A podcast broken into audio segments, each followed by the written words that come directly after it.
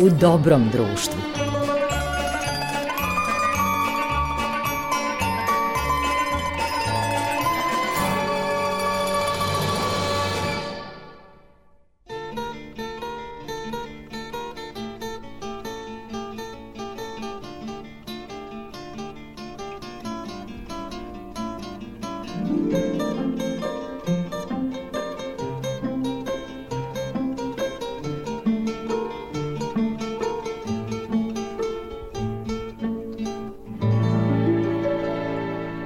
Poštovani slušalci, slušate emisiju U dobrom društvu na talasima prvog programa radija, radio, televizije Vojvodine. Koleginica Marica Jung tonski uobličava ovu emisiju kao i uvek, a takođe uz vas je i ovoga puta vaš domaćin Koran Vukčević. Imamo i divnu gošću koja nam dolazi iz Tesalonikija ili Soluna, fantastičnog grada bogatog istorijom i bogatog umetnošću, a upravo arheologija i istorija umetnosti su struka naše večerašnje gošće. Elena Kostić inače godinama živi i radi u Solunu, a deo svojih iskustava i sjajne atmosfere ovoga grada preneće nam u razgovoru koji sledi. Dakle, gošća emisije u dobrom društvu je arheološkinja i istoričarka umetnosti Elena Kostić.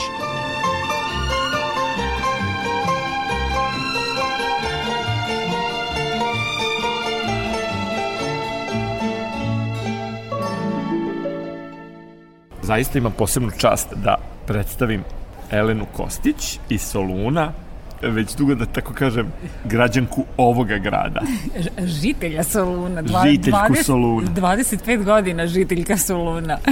U uvodnom tekstu rekao sam ti si arheološkinja i istoričarka umetnosti, ali ti si to postala pre nego što su došle ove jezičke, jezička nova pravila o polnoj ravnopravnosti.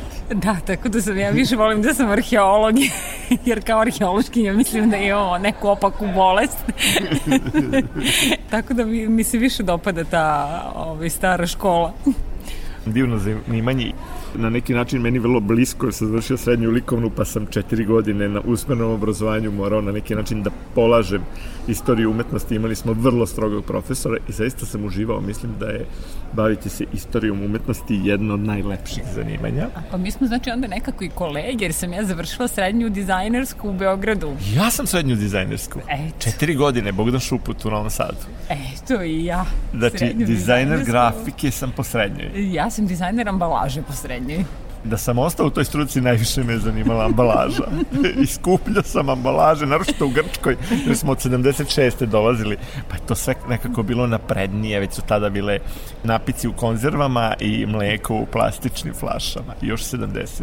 Da, kod nas u kjesama i onim kod, kod nas je tad bilo trovoglasitim tetrapacima.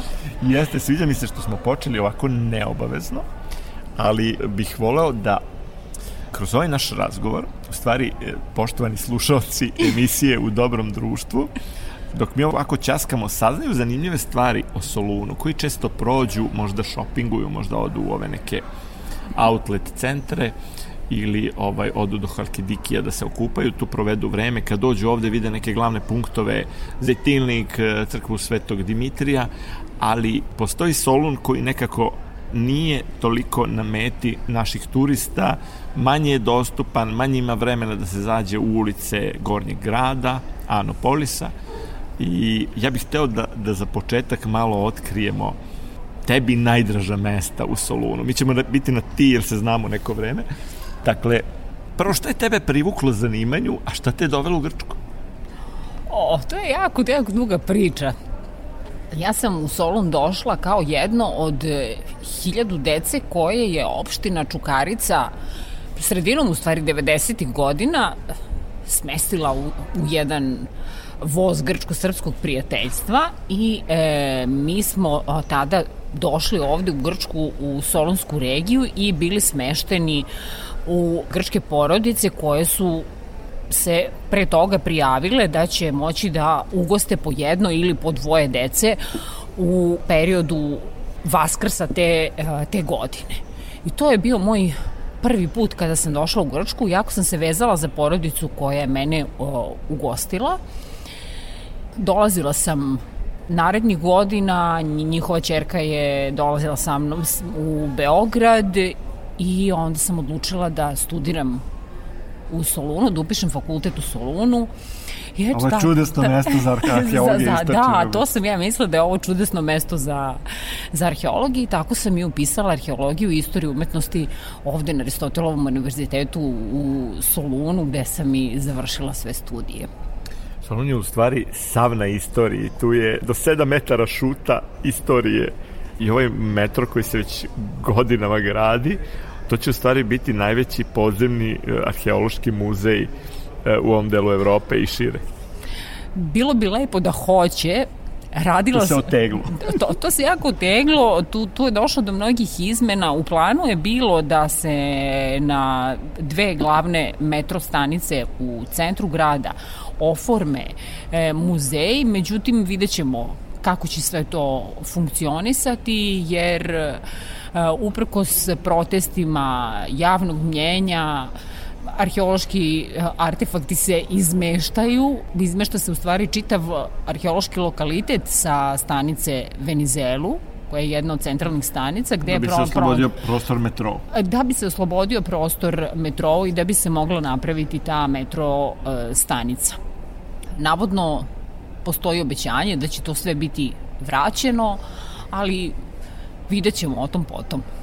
Ono što, što sam rekao, sjajno mesto, recimo, idem vrlo često na ture koje organizuje Konstantinos Fikas i to su ture koje obrađuju pojedine delove istorije ovog grada, romejsku, vizantijsku. Turu, organizuje festival takođe otomansku i jevrejsku, dakle mnogi narodi su prošli kroz ovaj grad, to je jako duga istorija, o tome možda ne razmišljaju toliko naši ljudi kad dođu, ali zaista na svakom koraku, u svakom stanu, e, ako biste pomislili, možda se vaša dnevna soba nalazi na prostoru neke bazilike ili ko zna, ko zna čega, šta je tu bilo nekad u istoriji. Jedan veliki deo Soluna je zahvatao veliki hipodrom, Upravo e, tako. E, sačuvana je Agora, ova koja je čudesna, koja je prva neka, prvi neki tržni centar, prva neka zatvorena pijaca u istoriji ljudskog roda. A ona je više imala karakter nekog centralnog trga, da tako kažem, ne, neke upravne institucije gde su se ljudi mogli iskupljati, razgovarati i obavljati razne administrativne poslove. A u njenom donjem delu, znači prema moru na južnom delu te agore su postajale i prodavnice gde su se mogli kupiti određene stvari. Glavna... Tamo ima i amfiteatar, tamo ima posto... i kupatilo. Da, da ima, ima, ima i, i, i odio, da, taj amfiteatar upravo tako. Ima i odio i tamo je pronađena prva kovnica novca u Solunu. Znači, pronađeni su uh, kalupi u koje je liven metalni novac. I ima stalno novih otkrića, da ne zaboravim to da kažem, kažu da su e, tamo na prostoru nekadašnje crkve Svetog Jovana, nedaleko od Svete Sofije, da je sada najnovije otkriće da je u stvari tu kršten Teodosije, vizantijski car. To su sve stvari koje nisu baš dokazive, ali e, tu, u blizini e, crkve, sadašnje crkve Svete Sofije i u, i u blizini tog a, mesta nalazišta, ova, na, na, tog arheološkog nalazišta ko, koje se danas e, zove katakomba Svetog Jovana, e, se nalazio veliki teatar stadion, kako ga naziva profesor Velenis koji je i prvi publikovao materijal o tom teatru stadionu gde se dogodila bitka između Nestora i Lijeasa. Čuvena, znači vezana za Svetog Dimitrija. Vezana za Svetog Dimitrija. A Sveti Dimitrije je upravo bio zatvoren u blizini te sadašnje ovaj, kapele Svetog e, Jovana i čitava ta tome se manje zna. O tome se jako, jako malo uh, zna. Čitavo to područje, taj kvart u stvari centralni u, u Solunu je vezan za stradanje e, Svetog Dimitrija. O tome se jako, jako malo zna. Obično pomišljamo da je to prostor uz eh, baziliku, uz hram Svetog Dimitrija. Jeste. Da su njegove mošti danas. U, upravo tako, upravo tako. Njegovo telo, njegovi posmrtni ostaci su prenešeni e, na to mesto koje se nalazi e, severnije od mesta njegove e, pogibije i tu se danas nalazi bazilika Svetog Dimitrija. Dok je e, njegov kult na, na, na tom mestu gde je on e, stradao skoro pa zaboravljen, da tako kažemo. Da, nastavit ćemo priču o Svetom Dimitriju, a malo muzike da čujemo umeđu vremenu.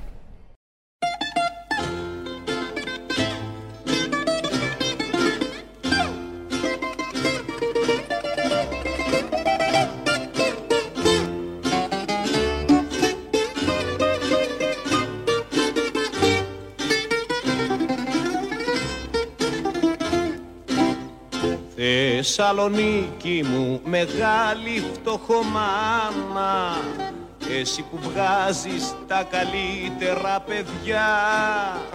Θεσσαλονίκη μου μεγάλη φτωχομάνα Όπου κι αν πάω σε έχω πάντα στην καρδιά.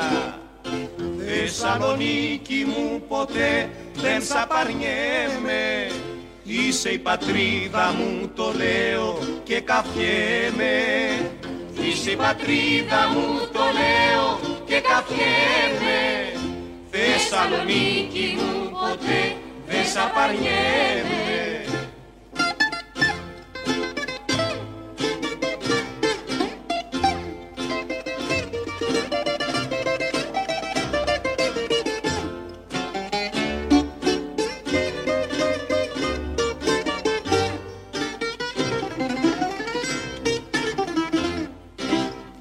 Θεσσαλονίκη μου κι αν είμαι μακριά σου Πάντα θυμάμαι το όνομά σου το γλυκό. Αχ πως νοστάλγησα να ξαναρθώ κοντά σου Κι ας ξεψυχήσω μπρος τον πύργο το λευκό. Θεσσαλονίκη μου ποτέ δεν σ' απαρνιέμαι Είσαι η πατρίδα μου το λέω και καφιέμαι Είσαι η πατρίδα μου το λέω και καφιέμαι Θεσσαλονίκη μου ποτέ δεν σ' απαρνιέμαι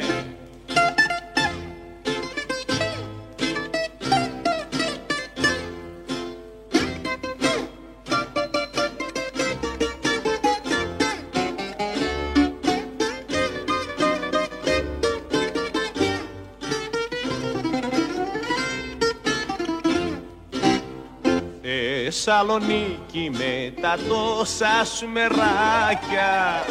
Βγάζεις τα πιο μορφά κορίτσια στο ντουνιά. Βράδια μποέμικα, τραγούδια στα σοκάκια.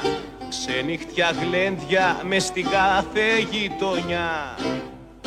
Θεσσαλονίκη μου ποτέ δεν σ' απαρνιέμαι Είσαι η πατρίδα μου το λέω και καφιέμαι Είσαι η πατρίδα μου το λέω και καφιέμαι Θεσσαλονίκη μου ποτέ δεν σ' απαρνιέμαι Poštovani slušalci, slušate emisiju u Dobrom društvu. Vaša i moja gošća je arheološkinja ili arheolog i istoričarka umetnosti ili istoričar umetnosti iz Soluna, Elena Kostić. E, Elena, zanimljivo je recimo ta neka veza između naših prostora, između Sirmijuma, današnje Sremske Mitrovice, koja se vezuje za Svetog Dimitrija, za kult Svetog Dimitrija. Postoji onaj oltar, postoji ono mesto gde je kao pronađena krvava košulja Svetog Dimitrija i kažu da su postojale čak i neke neke polemike između Soluna i Sremske Mitrovice vezano za, za put Svetog Dimitrija. Možemo malo nešto o tome da saznamo? Ne znam da ti kažem mnogo stvari o, o tome. Koja je tu veza u stvari, ta dva grada? To su dve priče. Koje ne znam da, da li se negde sreću, da li je reč o istoj osobi, da li je reč o, o, o dve osobe sa sličnim uh, sudbinama. I imenom. I, I sličnim i istim imenom u stvari.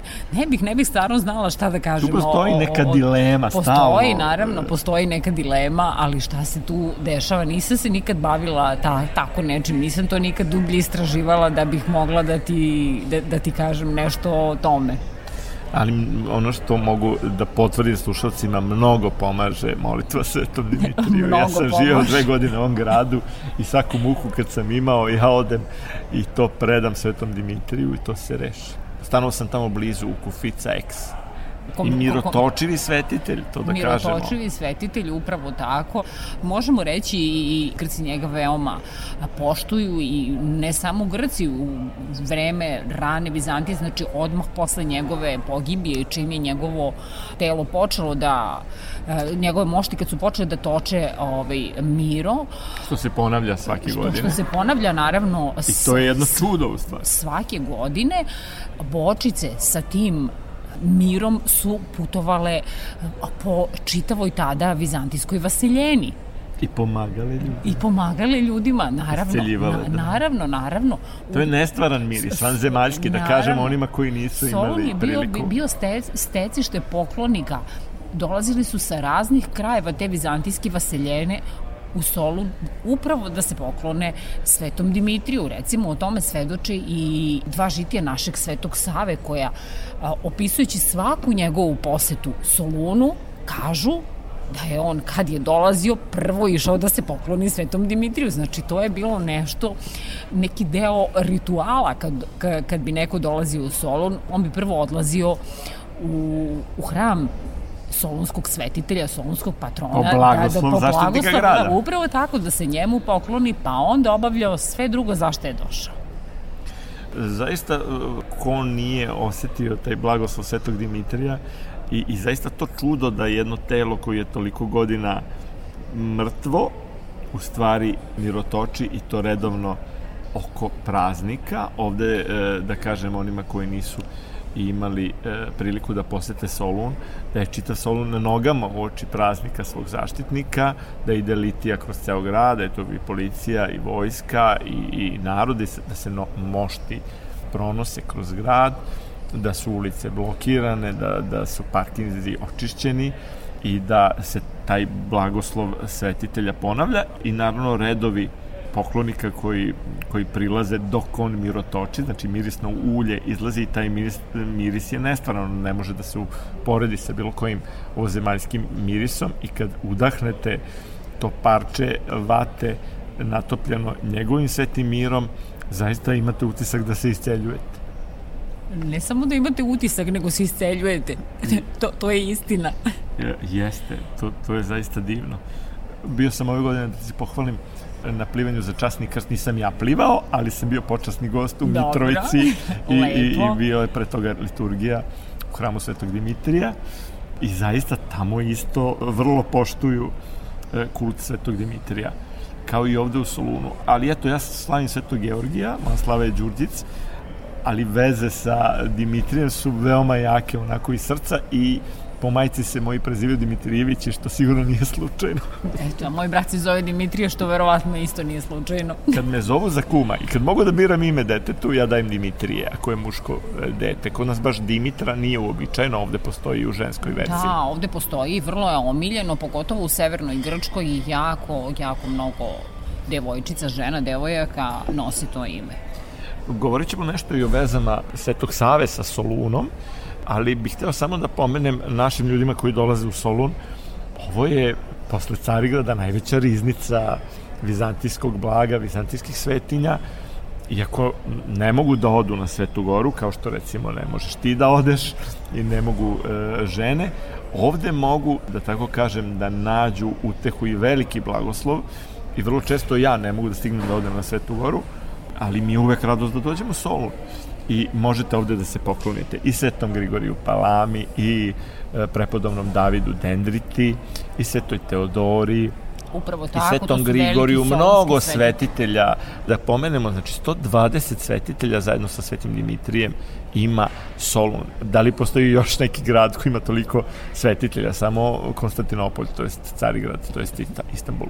Verovatno, verovatno da je samo Carigrad u pitanju koji prevazilazi Solun, ali Solun je bio e, drugi po redu grad Vizantijskog carstva, tako da to nije nikakvo čudo u njegovom e, unutar solunskih zidina je u vizantijsko vreme e, bilo mnoštvo manastira koji su nažalost danas poznati samo iz istorijskih izvora, jako malo tog spomeničkog nasleđa je jeste očuvano u centru Soluna. Naravno, posetilac može videti mnogo toga i, i potrebno je dosta vremena da se Solun a, obiđe, da neko e, stvarno vidi svo to blago koje grad nudi, ali u odnosu na to šta je Solun nekada imao, ovo je stvarno samo jedan mali, mali deo. Koji je preostao koji današnjim je preostao generacijama. današnjim generacijama. Upravo tako, upravo tako. I, i ima dosta toga, recimo, zanimljivog e, za, za posetioce iz Srbije koji bi želeli da vide, da vizualizuju vezu srpskog naroda sa Solunom, po, postoje eto tako i neke tačke u Solunu koje bi... To bih hteo da pomenemo svakako. Koje su to važna mesta koje se vezuju za našu istoriju. Dakle, ne samo velikog rata ili prosvetskog rata, pre svega groblje Zejtilnik, najveći deo koji je srpski, u stvari Simahikaki Mitirija, jer ako kažu Zejtilnik, mnogi Grci neće znati da ih tamo upute, jer su to stari nazivi, pre nego Upravo što su tako. Oto, iz otomanskog doba. Perioda, jeste. Kada je i ovde naša bila vojska i to je upamćeno tako u našoj istoriji, ali ako kažu savezničke groblja, Da, to odmah svi znaju, zato što, eto, to piše na autobuskim stanicama. Da, to je bila nekada periferija, a sada je, kad je Solun imao 150.000 stanovnika, a sada kada ima milion i po, to je praktično širi centar. O, otprilike da. Da, a to, to je mesto koje se nalazi izvan Solunskih zidina, znači izvan negdašnjeg gradskog jezgra, u neposrednoj blizini I, I Srbi ga vrlo rado posećuju, na, na, na, naravno. A, ali ne, to je nema samo da, Srbina da dođe u Soluna, da ne ode. A da ne ode na Zejtinlik, jeste. To, ali Zejtinlik je... Najposećenije u stvari naše groblje u, izvan Srbije. E, upravo tako, naše najposećenije groblje izvan Srbije. Ne znam da li možda plava grobnica može da parira. Ali u letnjem periodu, u, u letnjem a, a, a nekako zetilnik tokom cele godine. Ja sam bio danas i, i, i došla je velika grupa. Jel da? autobus dupli. Eto, da. nama koji smo ovde, ovde nije ovaj... Da, Prosto da, uvek za, za, zateknem poklonike. Dobro, bila je pauza zbog COVID-a E, snimio sam film o Đorđu Mihajloviću i grupe su neprestano dolazile. Da, deda Đorđe je simbol e, Zedinličkog groblja. mi, mi koji smo ovde odlazimo obično jednom godišnje kada je godišnjica proboja Solunskog fronta, Dobro, ja sam fanatik, ja dok sam živo u Solunu išao sam svakog vikenda dva puta i subotom i nedelju. Ali ništa, napravit ćemo još malo pauze E, mogli bismo sad nešto iz velikog rata da čujemo, pa ćemo nastaviti razgovor. Može, može.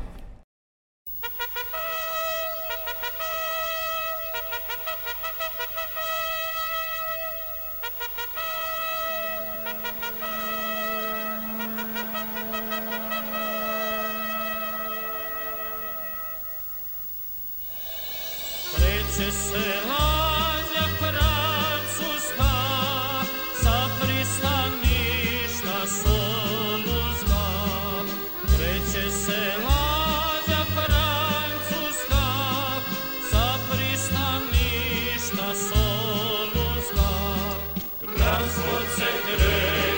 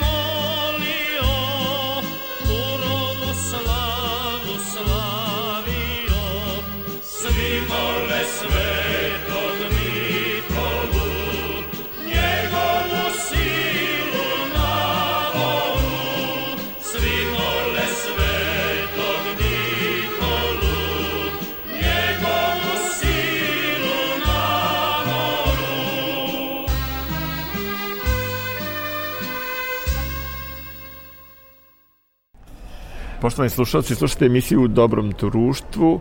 Elena Kostić, e, istoričarka umetnosti i arheolog. Divno nije bio ni jedan arheolog još u ovoj emisiji. Bili su sportisti, bili su sveštenici, vladike, reditelji, dojeni, bardovi, glumci, mlađi, stari, ali nije bio arheolog. Velika čast, znači. da, Hvala ti. Razgovarali smo o, onome što se vezuje na našu istoriju, a nije samo veliki rat. Jer znamo da je tada Solun imao manje stanovnika nego što je vojski došlo. Dakle, francuske trupe, ruski dobrovoljci, srpske trupe, francuske trupe i britanske su obuhvatale naravno snage iz kolonija, ogroman broj vojnika i tad je prosto više došlo u Solun vojnika nego što je bilo stanovnika i zanimljivo je još recimo da je Solun 1915. Eh, eh, što pominje Antonije Đurić u svojoj literaturi bio najveći centar špijunaže.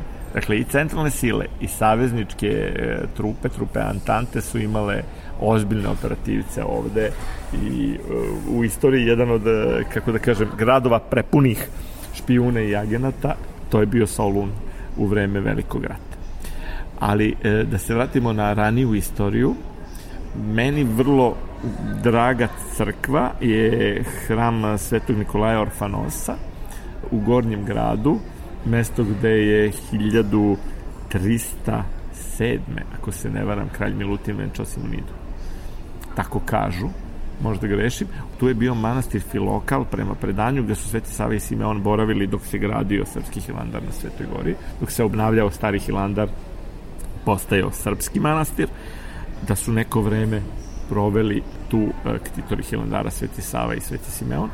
Sad malo da otkrijemo te neke tajne gornjeg grada, to je i manastir Vlatadon, gde je izgovorio apostol, Sveti apostol Pavle drugu poslanicu Solunjanima, tu je e, crkva prepodobnog Davida, koja je nekada bila manastir, tu su katakombe Svetog Teodora Tirona i Teodora Stratilata, iznad kojeg je e, crkva bestelesnih sila, Arhangela Mihajla i Gavrila.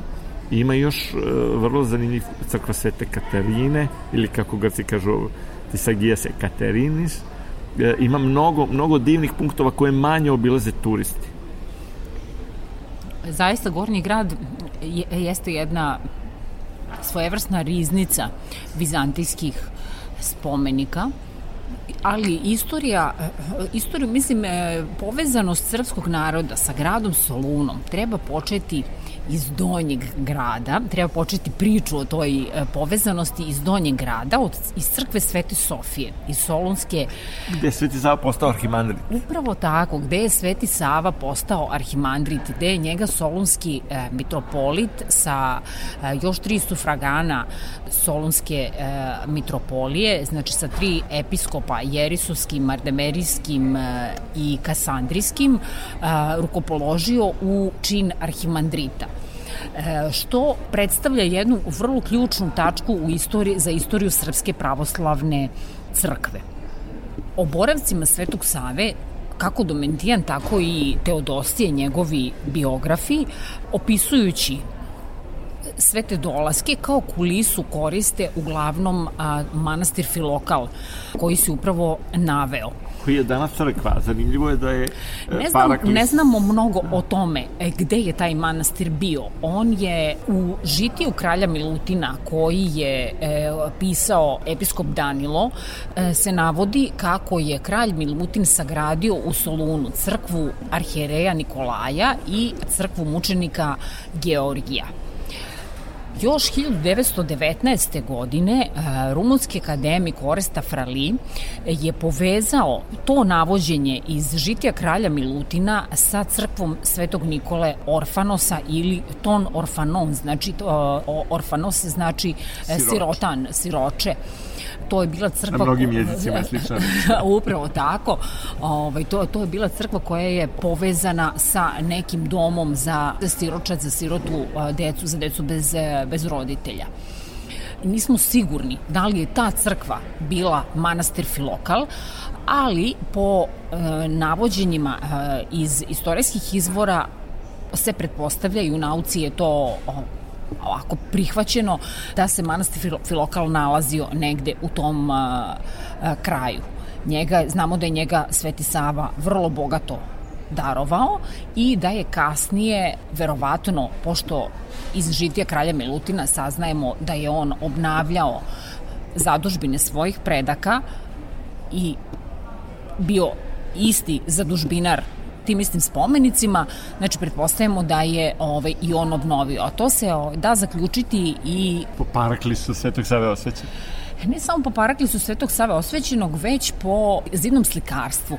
Znači, koje je čudesno, koje, ono što je koje ostalo. Koje je stvarno čudesno. Svetog Nikola Orfanosa jeste slikao, a, oslikavao isti slikar koji je radio, Georgije Kalijergis, koji je radio i hilandarski katolikon koji danas ne može da se vidi, ili ispod ovog živopisa. Ali postoje, ovi, postoje delovi koji su očišćeni, sa kojih je e, spao a, ovaj novi sloj e, živopisa, tako da...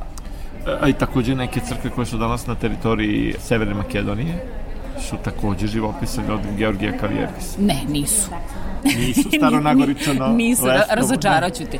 Ne, njih, njih, je radio, njih je radio drugi slikar, njih je radila... Ali su isto čudesne freske. One jesu čudesne, njih su radili potomci slikarske radionice Astrapa, Mihajlo Eftihijev, koji svoje ime ostavlja na oružju uglavnom u, u crkvi, u jednom slučaju u crkvi Svetog Georgija u Starom Nagoričinu, u crkvi Svetog Nikite u Čučeru.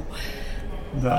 Moram da podelim s tobom i sa slušalcima jednu kratku anegdotu. Ja sam poveo jednom svoje prijatelje, trojicu svojih prijatelja da vide crkvu Sveti Nikola Orfanos i dok sam im govorio da su tu verovatno Sveti Sava i Simeon boravili za vreme gradnje Srpskog Hilandara i da je to o tome možda svedoči i i jedan od dva paraklisa, jedan je posvećen Svetoj Varvari, a jedan je posvećen Svetom Savi Osvećenom, po kojem je Sveti Sava Srpski i dobio ime.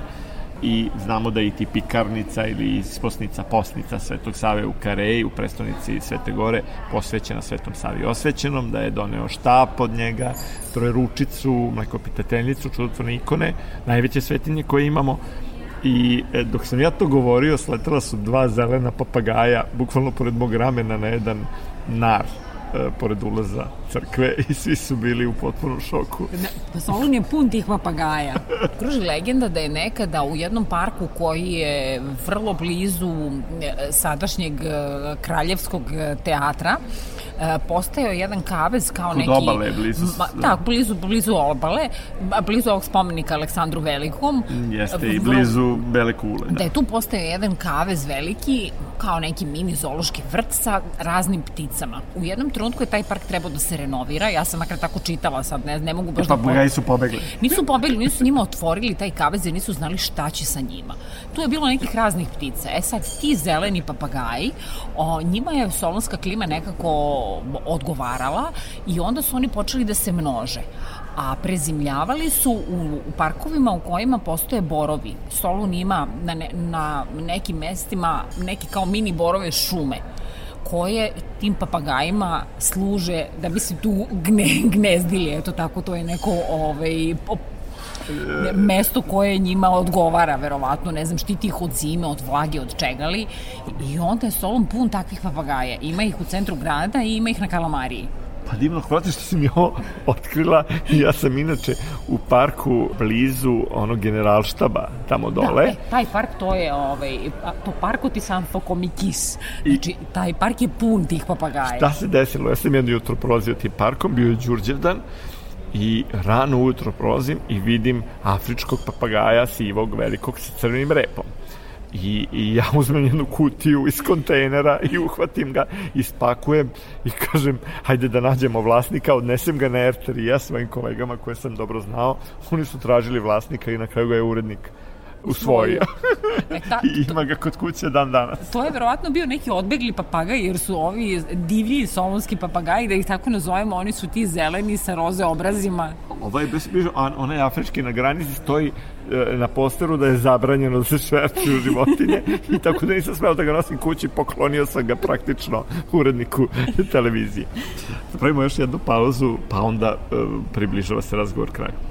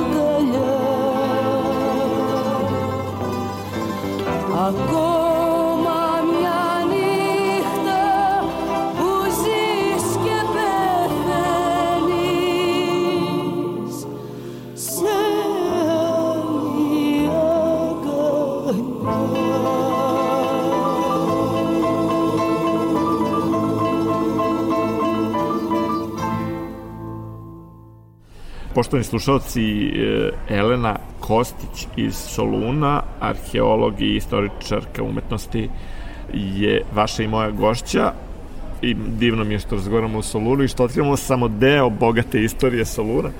Moram da, da ti kažem da mi jednu zanimljivu stvar rekao Konstantino Svikas Vodič koji vodi e, goste festivala Solunskog. Ovde su naravno dolazile najveće zvezde svetskog filma. Solunski festival ima ogroman budžet i dovodio je Francisa Forda Coppolu, Olivera Stonea, bila je Katrin Danev, bila je Faye Dunaway, bili su veliki, veliki glumci i imao je čas da vodi lično, tako da pravi pojedinačne ture za Kopolu, za Stona, za Johna Malkovića, za mnoge, mnoge druge, Vima Wendersa i njih je mnogo zanimala istorija. I neki su rekli, joj, kako je ovaj ružan, koji je, kakav je ovo ružan grad. A on je rekao, sačekajte da uradimo tri sata ture istorijske po Solunu i kaže, posle toga su svi bili očarani i zvali su svoje prijatelje iz celog sveta i rekli su im, nemojte da propustite posetu Solunu to je takvo bogatstvo istorije, lepote, saznanja i nekako se uče samo pod kožu i kako su ga uh, Sefardi Solunski e, zvali grad srećnih ljudi. Zaista ovde sam se uvek prijatno osjećao, postoji ta neka pospanost i o tome postoji jedan mit da su svi ljudi nešto malo ovde kao šamućeni, ne mogu da se naspavaju, ali ne, ne znam, uvek sam radostan kad se ujutro probudim i shvatim da sam u Solunu. To je zbog vlage, kad navikneš na vlagu, posao posle ti bude lakše. Ta pospanost jeste stvarno deo, deo solonskog života. Jeste, u Atini se drugačije živi, drugačije ritam, ima naravno divnih mesta, istorija Atini ne treba ni govoriti koliko je bogata istorija. Zanimljiva mi je ta istorija romejska, u, vizantijska u Atini, recimo priča o svetom Dimitriju e, Lombardijarisu, jedna od predivnih priča koju sam čuo od e, naše profesorke koja je bila gošća takođe ove emisije, profesorke Bogdanović. Evo, pošto približava se razgovor kraju, da kažemo nešto i o drugim hramovima. Za Svetog Savu je vezan, čini mi se, i hram e, Svetih apostola, dodeka apostoli. Tako pominju pojedini.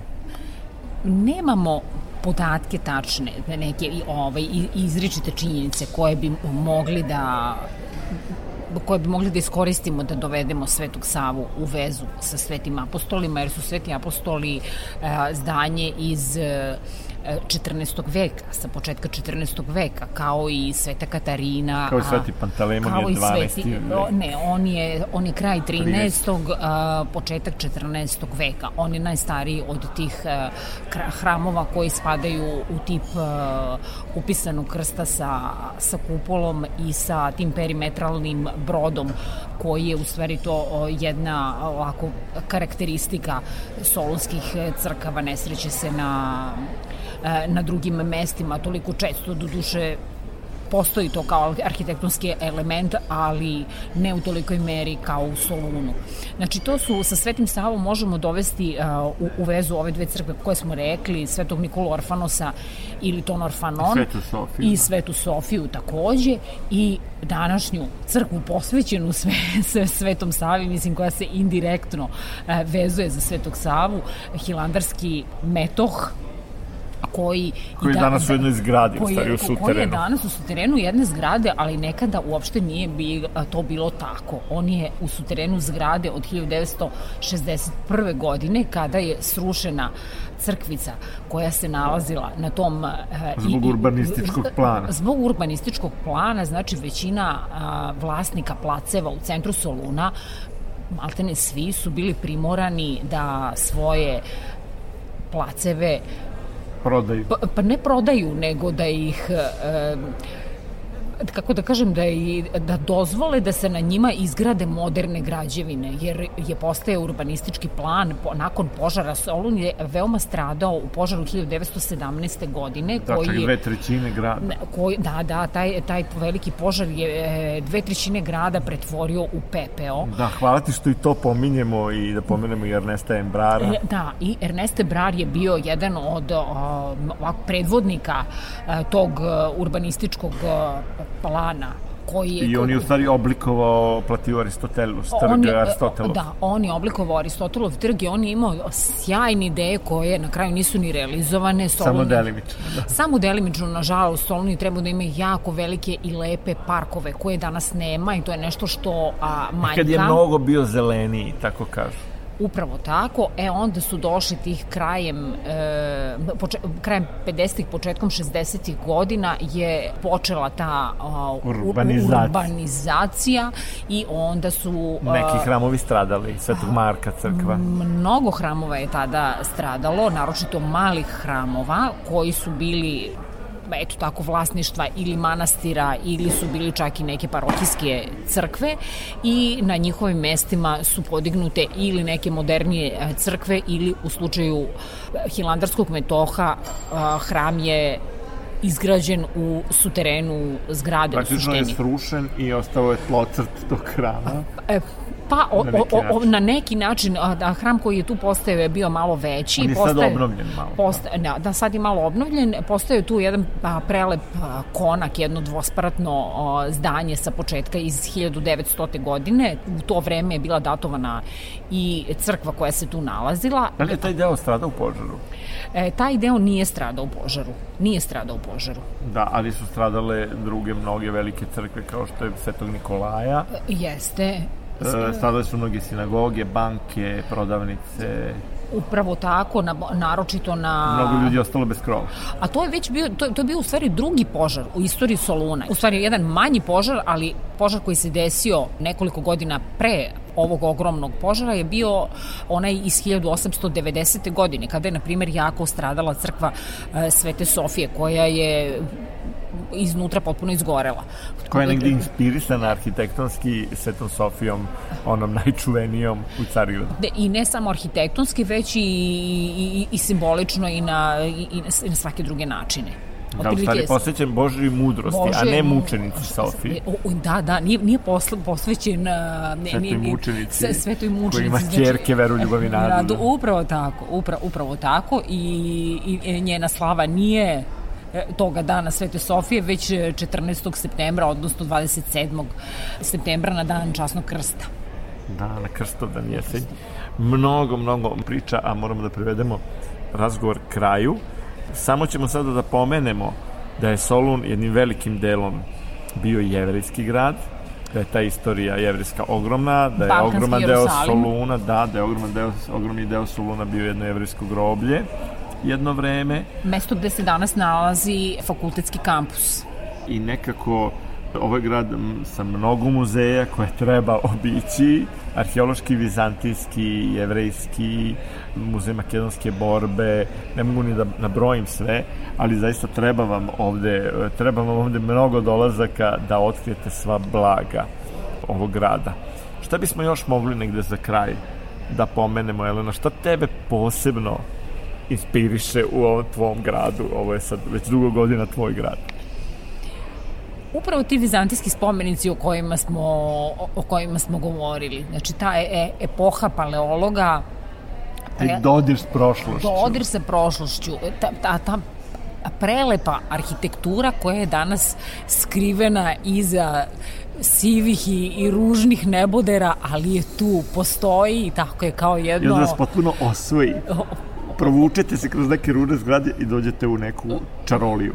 U, upravo tako, znači liturgije u tim u svim tim vizantijskim crkvama koje i dan danas rade, one nisu muzeji, one su O, o, one su živi hramovi. Oni su živi hramovi i, ži, I žive od ondašnjeg e, vremena. Znači, Kao da ste zakoračili u istoriju. Upravo tako. Pred Vaskrs e, svakog petka su akatisti u svim tim crkvama i to je stvar jedan prelep doživljaj. Zavidim ti, što bi rekao episkop Bački, e, zavidim bez zlobe. Osetio sam čudesnu tu čaroliju ovog grada, jer sam ovde praktično živeo dve godine i zaista to je jedna nevjerojatna radost i blagoslov kad vi možete kad ustanete da odete pred neke mošti, pred neku čudotvornu ikonu i da vam lepo počne dan i da se prošetate pored obale, pored e, zaliva Solunskog, terma i i, da vam se lepo završi dan i da prosto osetite blagoslov Svetog Dimitrija i solonskih svetitelja u svakom trenutku. Tako je. da, kako su govorili uh, ovde Sefardi, oni su svoj Solun zvali grad srećnih ljudi. Mnogo ljudi je, nažalost, uh, završilo život u Auschwitz, Birkenau, znači od 42.000 jevreja samo 2.000 se spaslo i vratilo, do duše e, nisu se vratili u Solun, samo mali deo njih, ali to je početak neke druge velike priče iz bogate istorije ovog rata. Hvala ti mnogo, Elena, što si uh, izdvojila vreme za emisiju u Dobrom društvu, za Radio Novi Sad, za prvi program radija Radio Televizije Vojvodine. Bila mi je izuzetna čast i radost da razgovaram sa arheološkinjom i istoričarkom umetnosti Elenom Kostić iz Soluna. Hvala tebi i čekamo te ponovo u Solunu. Uvek si dobrodošao. Svako dobro, zdravlja i radosti i uspeha. Takođe, svako dobro.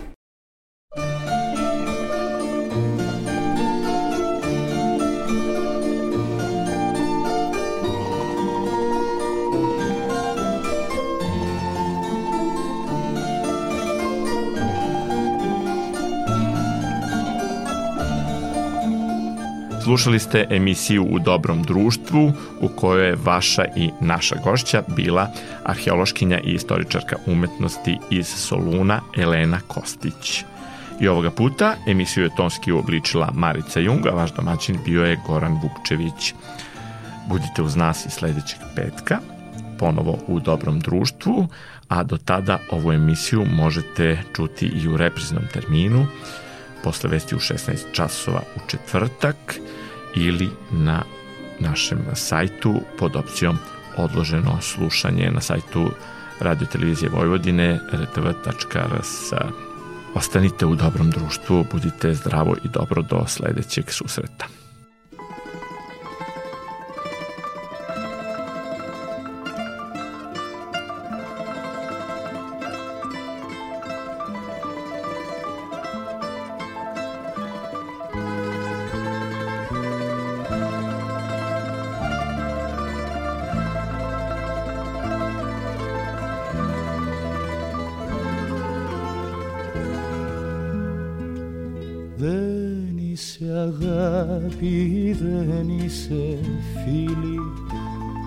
Σε δάκρυ περαστικό.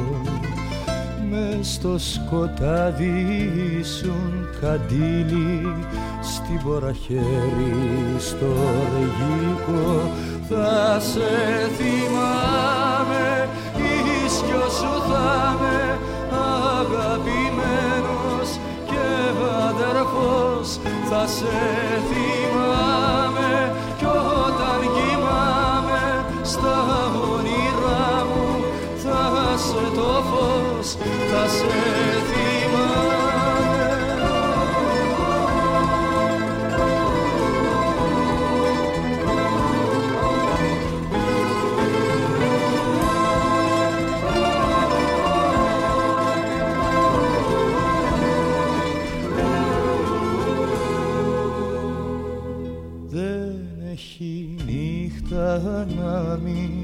δακρύσω δεν έχει μέρα που να χαρώ. Όποιο τραγούδι κι αν ψιθυρίσω μες στο καημό του θα σε βρω. Θα σε θυμάμαι ίσιος σου θα με αγαπημένος και αδερφός. Θα σε θυμάμαι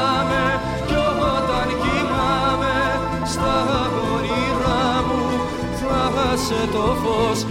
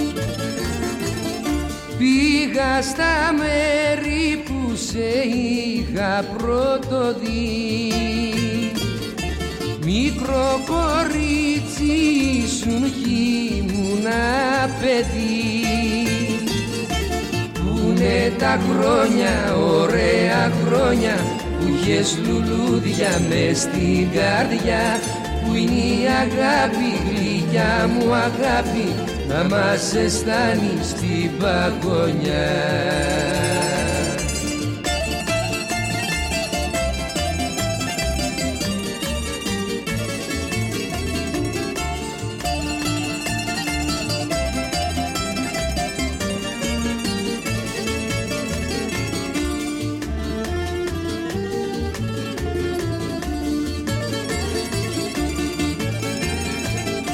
αρχοντικό σου το σπιτάκι το φτωχό. Ήρθα να κλάψω με παράπονο πικρό. Πούνε τα χρόνια, ωραία χρόνια που είχες λουλούδια μες στην καρδιά. Πού είναι η αγάπη, γλυκιά μου αγάπη να μας αισθάνει στην παγωνιά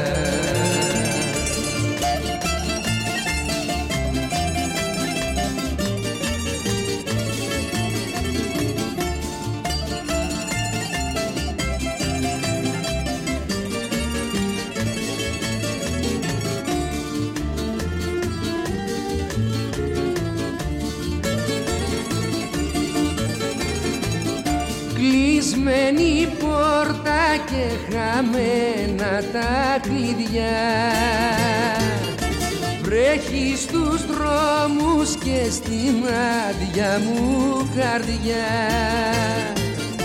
Πούνε τα χρόνια, ωραία χρόνια που είχες λουλούδια μες στην καρδιά Πού είναι η αγάπη, γλυκιά μου αγάπη να μας αισθάνεις στην παγωνιά